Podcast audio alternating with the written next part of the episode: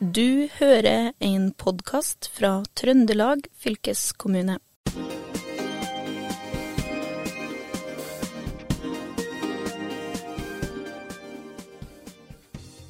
Det tar tolv minutter å kjøre E6 mellom Røra og Vist. Den gylne omvei tar åtte minutter lenger. Eller en dag, ei uke, en hel sommer, eller kanskje til og med et helt liv. Kombinasjonen av råvarer og den trønderske gjestfriheten har gjort Trøndelag som første region i Norge til European Region of Gastronomy 2022. Inderøya med Den gylne omvei er en av flere lokalsamfunn hvor det produseres lokalmat av en slik kvalitet som nå har ført til at Trøndelag har fått denne gjeve internasjonale anerkjennelsen.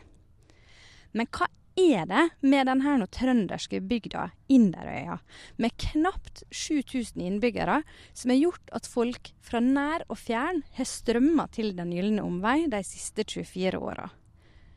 I sommer så vil vi i Fylkespodden, i samarbeid med Europeisk matregion, utforske hva Den gylne omvei og Inderøya har å by på. Programlederne i dagens avsnitt er Håvard Seiner, Ida Valsø og meg, Kjersti Bjørnevik. Nå har vi akkurat sykla gjennom eh, Straumen, og vi har hatt så fint eh, vær. Vi er på vei mot eh, bryggeriet. Men på veien så kjente jeg at jeg måtte ha ei drikkepause, så nå har vi kommet oss til Inderøy mosteri. Og her har vi altså hatt en helt unik opplevelse, i hvert fall har jeg hatt det.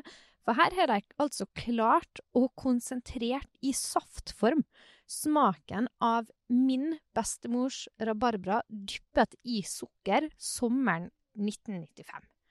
Det er noe av det beste jeg nok en gang har smakt. Jeg tror faktisk det er mitt nye favoritt-lokalmatprodukt. Rabarbrasaft fra Inderøy mosteri. Og Yngve Henriksen, du driver jo et av eh, mosteriet her.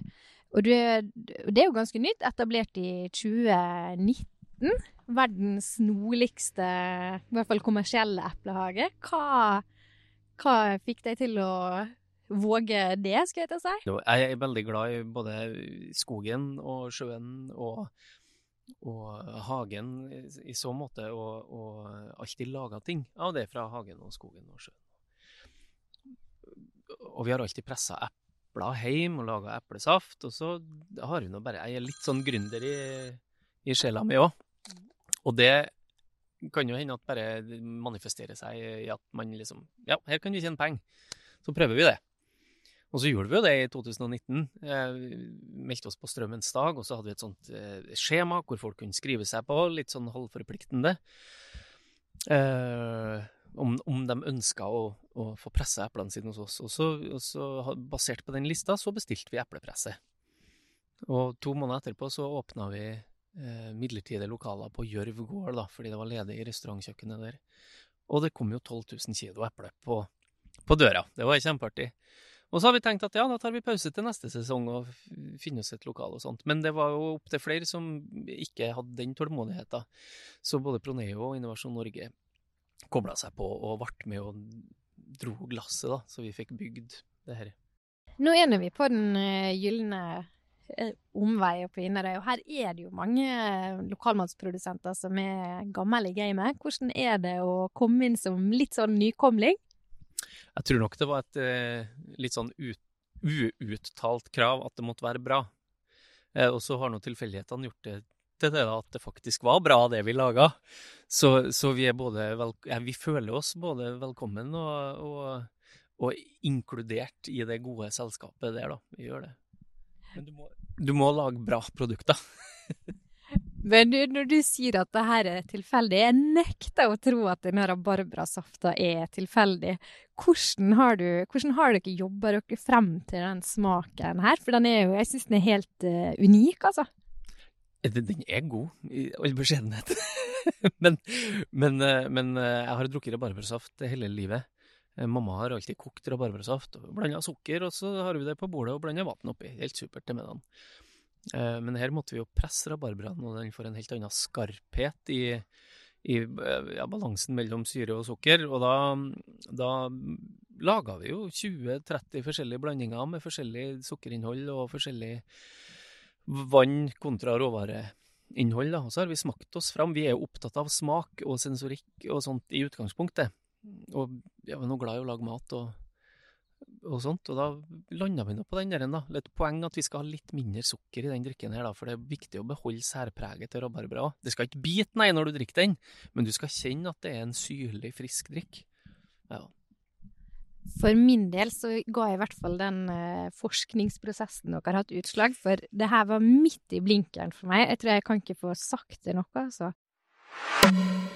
Og nå drar vi videre til uh, Inderøy gårdsbryggeri. Og veien fra mosteriet til Inderøy gårdsbryggeri, den gikk nå som en dans på roser. Suste gårde gjennom en helt nydelig landskap. Og um, her på gårdsbryggeriet så har vi uh, funnet Steinar uh, Kvam. Ingen ringere enn bryggeren sjøl. Og Steinar, jeg lurer på en ting. Det er et tema som har kommet opp her i, i reisefølget.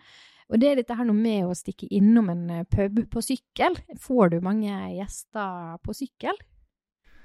Det kommer en del syklister hit. Vi merker jo at det kommer flere hvert år. altså det er økende interesse for å sykle rundt på Inderøya og, og, besøke de ulike aktørene i Gylne omvei og, og, se på kulturlandskapet. Og, og, det er relativt flatt, og det er ganske fint å sykle så jeg skjønner dem jo godt. da. Mm. Og, og, dere har jo ganske stor uh, ølproduksjon her etter hvert, da. Dere har jo vel en uh, årsproduksjon på rundt 35 000 liter? Ja, det stemmer. Vi har vært litt litt mer enn det også de to siste åra.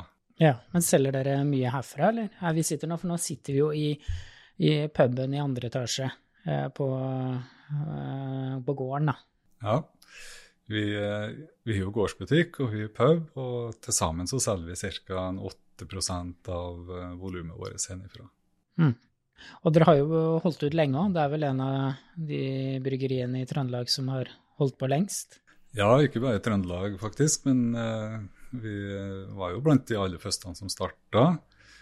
Og i og med at vi holder på enda, da, så er vi jo ja, av de aller eldste mikrobryggeriene her i Norge. Og det her, Steinar, det starta vel med at du sa opp jobben og fant ut at nei, nå skal jeg begynne å brygge øl. Var det i 2007? Ja, enda tidligere. Jeg sa opp jobben i 2004. For eh, det tok to-tre år å få alle godkjenninger til å starte opp bryggeri. Det var litt komplisert enda den tida, i og med at vi var faktisk da de aller første i, i Trøndelag som, eh, som, søkte om sånn statlig tilvirkningsbevilgning.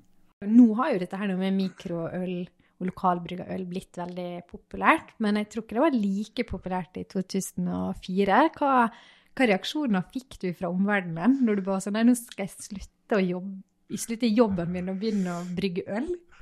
Det, det var et interessant spørsmål, det, for du, det er helt rett. Var, vi var på studietur i 2004, og da var det fortsatt bare to mikrobryggeri i drift i Norge. De sa jo ingenting, men jeg, jeg skjønte jo på dem at de, de, tenkte ja, ja, han får nå bare prøve. Men det som var utfordringa etter hvert som vi kom i gang ordentlig med salg i 2008, var jo, var jo at det var ikke noe sånn interesse for sånn type øl ennå i butikk. Så når vi presenterte for butikker lokalt, så ønska de ikke å ha det inn i sortimentet sitt. Lokal Coop, lokal Det var Rimi den gangen. Så mm, det var tungvint å selge ølet de første, første åra. Men Ida, nå når vi har blitt europeisk matregion, er det mange folk som har Steinar som har på en måte Jeg tenker her har man jo gått foran, egentlig. Gått opp en vei. Absolutt. Og det er, jo, det, er jo, det er jo, mange som er gode på å brygge godt øl i Trøndelag nå. Det er det jo. Men så har du jo Det er jo artig med dem som har holdt på lenge, som sikkert er sånn uh, forbilder for å og ser at det går an å, å holde på med det. Så jeg tenker Det er jo sånne her typer lokalprodusenter som har gjort at vi har uh, kunnet blitt European Region of uh, Gastronomy. Tusen takk for det, Steinar. Men jeg lurer på en ting, for jeg er nå glad i, glad i godt håndverksøl. Men hva er det egentlig som skiller et håndverksøl fra et mer industrialisert uh, produsert øl? Ja, det, det, kan være flere ting. Altså, det er jo flere ting, men det kommer jo òg an litt på hvordan håndverksølet blir produsert. Men i Norge så starta jo alle å brygge håndverksøl med upasteurisert, ufiltrert og flaskegjæring. da. Altså at eh, ølet ettergjærer på flaska i, etter tappinga. Og Det betyr jo da at du får et sånt lite gjærsediment i, i bunnen av flaska. Og og da får du et lovende produkt. Og det blir noe helt annet enn en fabrikkølet eller det, det, ølet som de store bryggeriene lager. For det er jo, et, det er jo pasteurisert og filtrert, og det er, fersk, det er en ferskvare. Så det er ikke øl som er absolutt best helt ferskt. Mens mye av det ølet som mikrobryggeriene lager, det er øl som faktisk tøler å stå, og som kan bli bedre og bedre over faktisk noen måneder, kanskje til og med flere år fordi at det er et lovende produkt. da. I hvert fall de som lager på den måten fortsatt. Og denne ølen eh, du lager her, er det mye lokale råvarer i deg, eller? Ja, vi har jo, Det varierer litt, eh, men vi har jo et øl som er kun laga av råvarer fra gården hen. Og det er jo helt unikt. Eh, det tror jeg vi er eneste om å gjøre i Norge. Det er mange som har, eller flere som har eget malt eller eget korn da, og lager eget malt og lager øl på det. Men i tillegg til det så har vi også et øl med egen humle. Og det er litt mer krevende å dyrke humle og, og, og få nok til å ha i sitt eget øl. da. Ølet heter Goppolur. Goppolur? Ja. Hva i alle dager er det? det er et ganske så lokalt uttrykk. ja. Og, men det ligger litt i ordet. Det, det, er en luring. Det er en slags luring. Eh, det er jo egentlig sammensatt av to ord som betyr luring. For en gap er jo òg en luring. Så gap og goppa er samme ordet. da. Mm. Og det er jo det er veldig mange trønderske navn på ølsorten her, for det er 28 dere har. Ja, faktisk. Ja. Og alle har trønderske navn, har de ikke det? Som jo. ikke, i hvert fall ikke jeg forstår, som ikke er fra Trøndelag. Men jeg tenker det er jo deilig å komme inn her litt etter lunsjtid når man er ute på, på, sykkel, på sykkelferie. Uh, du sa jo innledningsvis at det kommer flere og flere på, uh, på, sykkel, og det er jo mange som legger ferien hit. Men hva type, hva type turister er det som ramler inn på tunet ditt og inn i puben din her? Ja, eh, Sykkelturistene er nok definitivt en egen kategori der, da. er det det? Fortell. jo, nei, er det de beste kundene? nei, det er de jo på et vis ikke, fordi de, de får ikke med seg noe øl henifra. De kan sitte, sette seg og drikke litt, men det er jo begrensa hvor mye de kan drikke før de kan sykle videre. Og for det andre så kan de ikke kjøpe med seg noe heller, for da blir det for tungt. Så de, de, beste kundene er nok dem som har en stor bobil og kan, kan, kan, kjøpe seg mye øl helt til neste gang de kommer hit, altså neste år, da. Ja, og er det mange i bobil fra andre land, sånn som Tyskland, som kjøper mye øl? For jeg vet jo at de ofte har med eh, massevis av egen mat og, og, sikkert drikke også, som de kjøper veldig mye billigere i, i Tyskland ja, når utlendinger er en, så ser vi det at uh, de kjøper vanligvis bare to-tre flasker. For Når de ser på prisnivået, så, så blir de jo skremt. Og, så det er nok norske bobilturister som, som, uh, gir, som støtter oss mest, sånn sett. Ja. Men, men, det som er artigst, er at vi har en del faste kunder som bor helt andre plasser i landet, som gjerne da har en Det er ikke nødvendigvis bobil, altså, men de, de kjører sørover, de kjører nordover fordi det er familie og venner andre plasser. Og så legger de inn en stopp på Inderøya. Så de, blir de sånn stamkunder. Kommer tilbake år etter år og kjøper kanskje tre, fire, fem og seks esker med øl. Mm. Og så har de til neste gang de kommer. da. Ja, Og nå er det jo sommer, da. Er det den beste tida for eh, salg av øl? Ja, definitivt. Vi har jo to store salgstopper. Det er jo, det er jo sommeren, og så er det jo om høsten når juleølet skal ut. Men sommeren er, er den beste, ja. Mm. Ja, og Kjersti, eh, hva syns du om eh, ølet du har drukket? Du har jo tatt alkoholfrie variantene, men hvordan var smaken? Jeg syns den her smakte veldig, veldig godt. Og ofte så syns jeg at den gode alkoholfrie ølen er så typisk IPA og liksom som har liksom sterke smaker, men denne her var litt lysere og nesten litt, nesten litt fruktig, så det var veldig godt uh, på en sånn som, fin sommerdag som det her. Så jeg, jeg er kjempefornøyd, jeg, Håvard.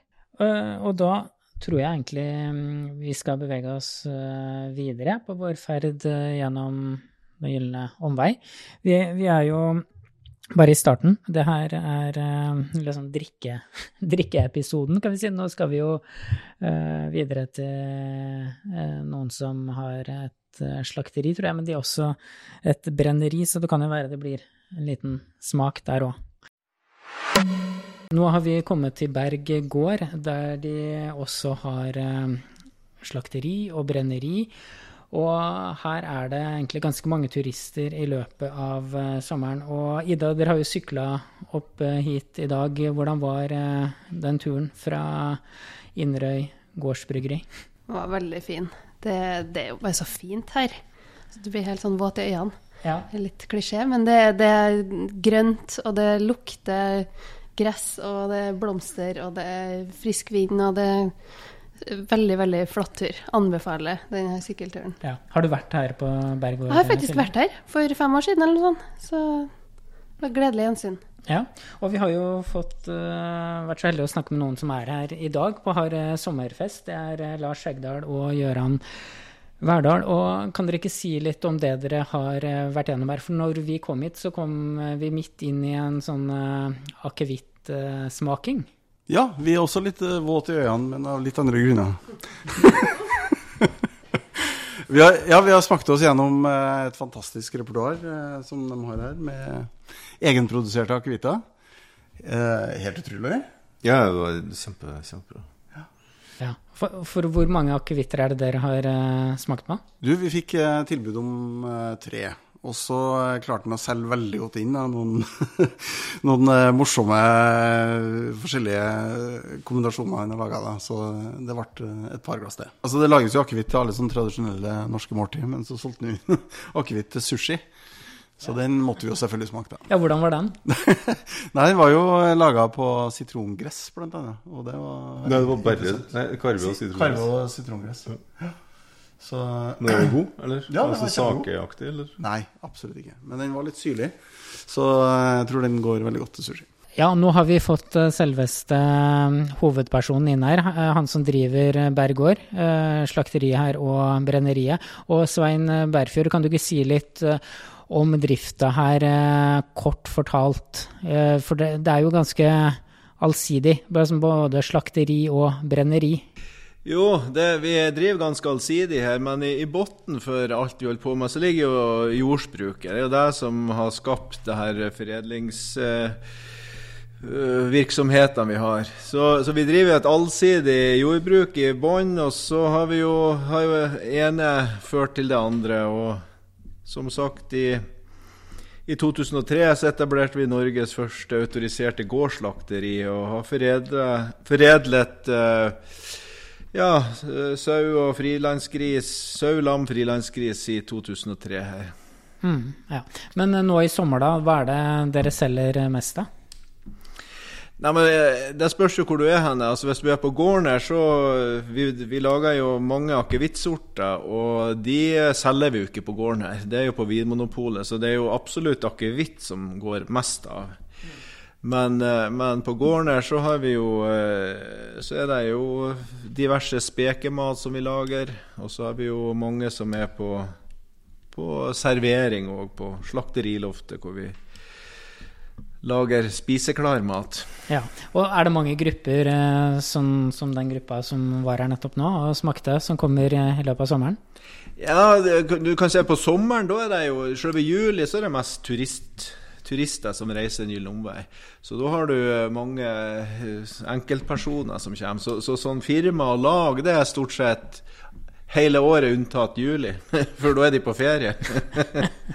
ja. Men du Svein, denne gården her, det er jo ganske det er jo imponerende. Mye forskjellige ting som skjer der. Mye forskjellig dere produserer og uh, tilvirker. Men når dere kom hit på slutten av 80-tallet, så gikk det i korn kornproduksjon, så vidt jeg har forstått.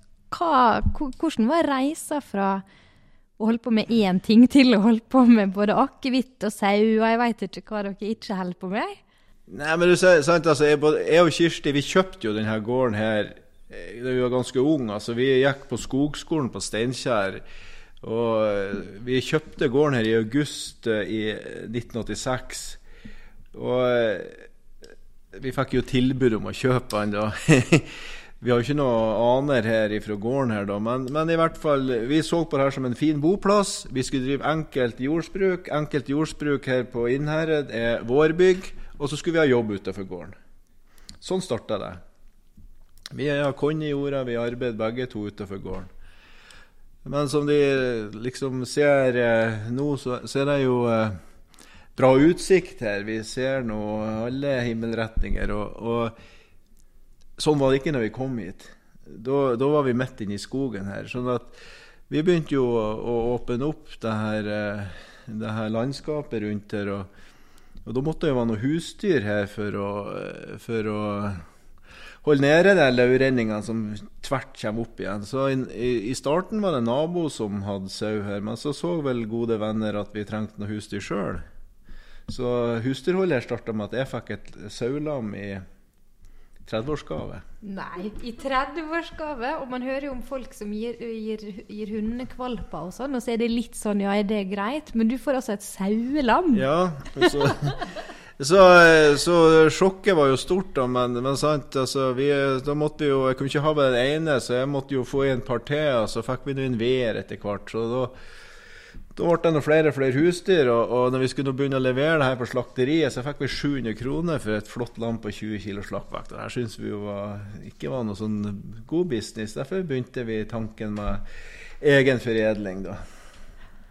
Og da blir det det dere slakter her, det, det, er dyr som går ute og egentlig kultiverer kulturlandskapet? Da. Ja, det er gartnere i, i landskapet her. Og, og sant, det er jo de blir jo født her, lammene, og de, blir, de pleier landskapet, de blir slakta her. Så, så, vi eh, selger jo, eller serverer, ikke kortreist mat, men jeg bruker å si vi har ureist mat. Og Trøndelag er jo European region of gastronomy. Og Ida, eh, hva tenker du liksom om eh, å ha et sånt slakteri på gården? Hvordan passer det inn i den eh, si, matregionen Trøndelag?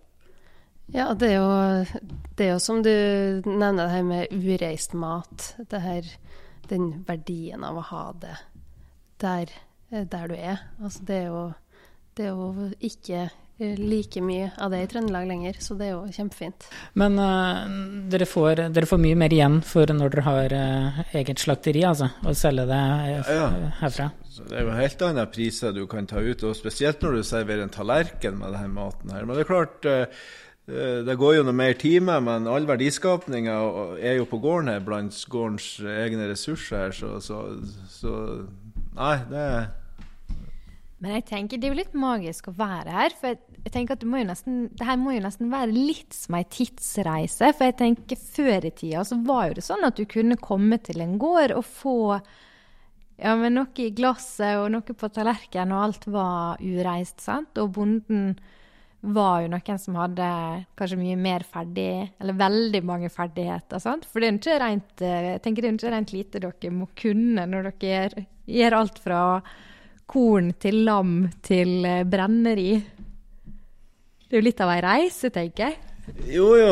jo. Nei, det er sant. Altså, det kan jo være en fare at du, du holder på med at du ikke blir god i noe, men, men eh, nå, nå det var jo òg tilfeldig. Det var jo sånn en videreutvikling av det her med å, å, å foredle primærproduksjon på gården. Det var jo, sant, Vi har jo dyrka Inderøykarve her på gården siden 2001.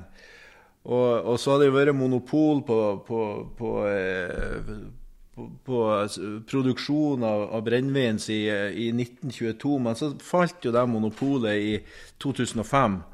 Så, så, da var det jo naturlig å begynne å tenke ok, denne karven med de gode kvalitetene fra Inderøya, som, som, eh, de store norske eh, Anora heter de nå, men før heter de Arcus, de vil jo ha Inderøykarven til de norske akevittene. Så ok, nå er det her sluppet fri. Kan vi begynne å produsere akevitt sjøl? Klart vi kan det. Så, så, så det, det kom vi i gang med i 2015. da. Og, og, det har jo vært Ja, det har jo gått kjempe, kjempebra. Og, og, nå har vi jo bygd et nytt uh, Det her brenneriet som ble ferdigstilt i 2015, har vi jo vokst ut av nå. Så nå har vi jo bygd et nytt et som ligger ja, noen hundre meter ifra gården her, da, som, som, som, vi kommer til å fortsette i. Så vi skal det her blir, I framtida blir det her besøks- opplevelsesanlegg og FoU-avdeling innpå. Men jeg tenker, Dere har langt, dere har jo vært en del av Den gylne omvei lenge. Jeg vil jo si at Dere begynner jo å bli noen av disse her nå, hva jeg si, gamle traverne eller veteraner. Jo, det er vi jo. Ja, det er vi jo. Jeg lurer på Hvordan, hvordan har det utvikla seg, Den gylne omvei? Har det, hvordan har det endra seg over tid? Nei, altså I utgangspunktet så har det vel ikke endra seg så mye, annet enn at det har blitt eh, veldig kjent etter hvert. Så, så, vi har jo Det er jo hele tida lie på sånn pluss-minus 20 medlemmer. Noen går ut, eh, og noen kommer nye. Kommer til. Så, så det har vært Men det er jo en kjempe altså Gylne omvei har betydd utrolig mye for oss. for sant, Ute på Kjerknesvågen her, Selv om at vi tror at det her er verdens navle, så er vi kanskje ikke det. Men når folk kommer til Inderøya da skal de en gyllen omvei, og da er alle, da fer de rundt og finner de hit. Så det er jo enormt med trafikk her, og spesielt de her to siste koronasomrene så har det vært så mye turister her at uh, men hva, jeg tenker Det er jo my, veldig mye lokalprodusert mat i Trøndelag. Det er mange måte, fine bygder med mye lokalmat. Men her på Inderøy så har jo dere fått til noe som med denne gylne omvei som gjør at folk ja, kommer hit i, i hauger og sånt. Hva er, det, hva er X-faktoren deres, tror du? Jeg vet ikke, men jeg tror det er smitte. For at uh, du uh, Ja jeg vet ikke, men du kan I starten så var jo kanskje mye sånn Kanskje ikke de da var det en del som har flytta inn hit, som kjøpte seg gårder. Og en del sånn utradisjonelle altså Ikke de klassiske gårdsbrukene, men nå er de òg kommet med og begynt å lage. Eh, og ser at det her går. Så, så det her det smitter. Jeg tror det er sunt. Veldig sunt for, eh, for Indre kommune, Den gylne omvei. Skape aktivitet.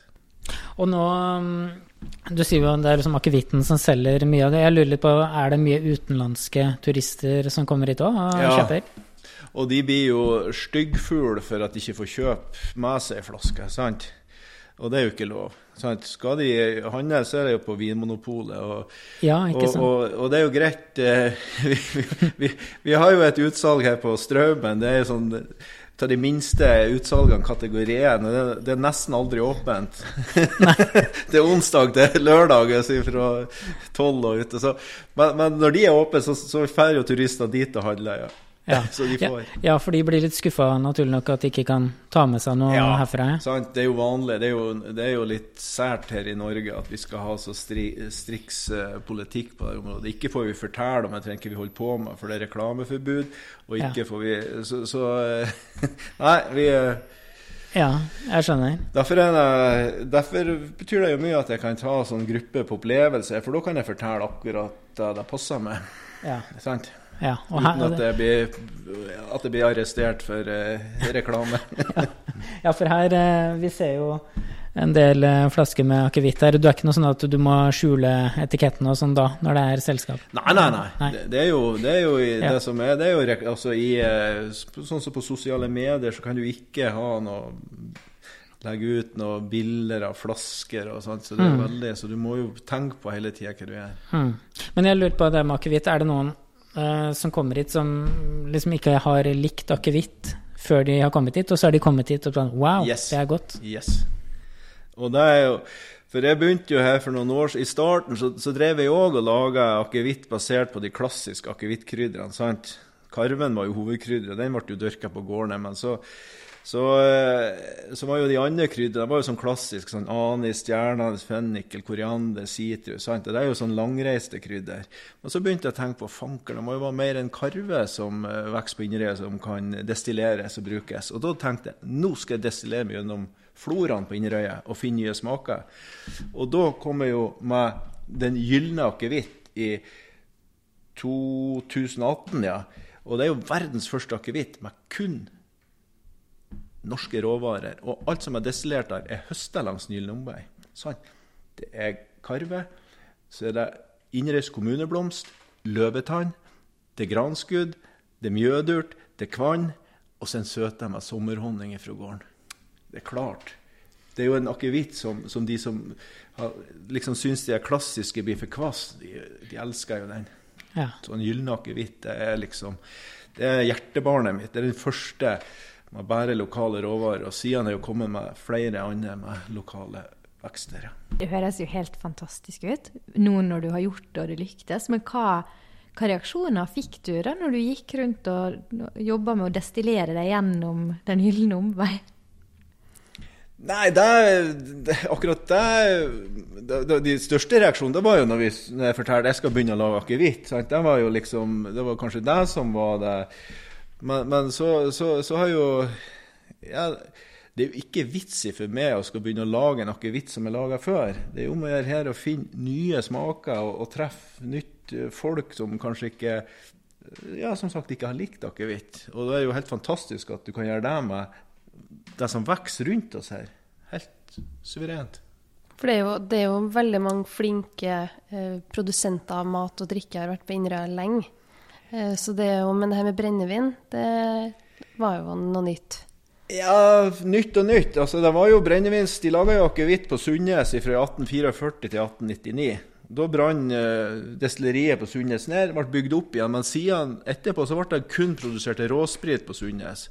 Så når vi starta opp igjen i 2015 og kom med den første akevitten i 2016, så var det 116 år siden sist det var laga akevitt på Inderøya. Men vi har jo fra gammelt av tradisjon for det her.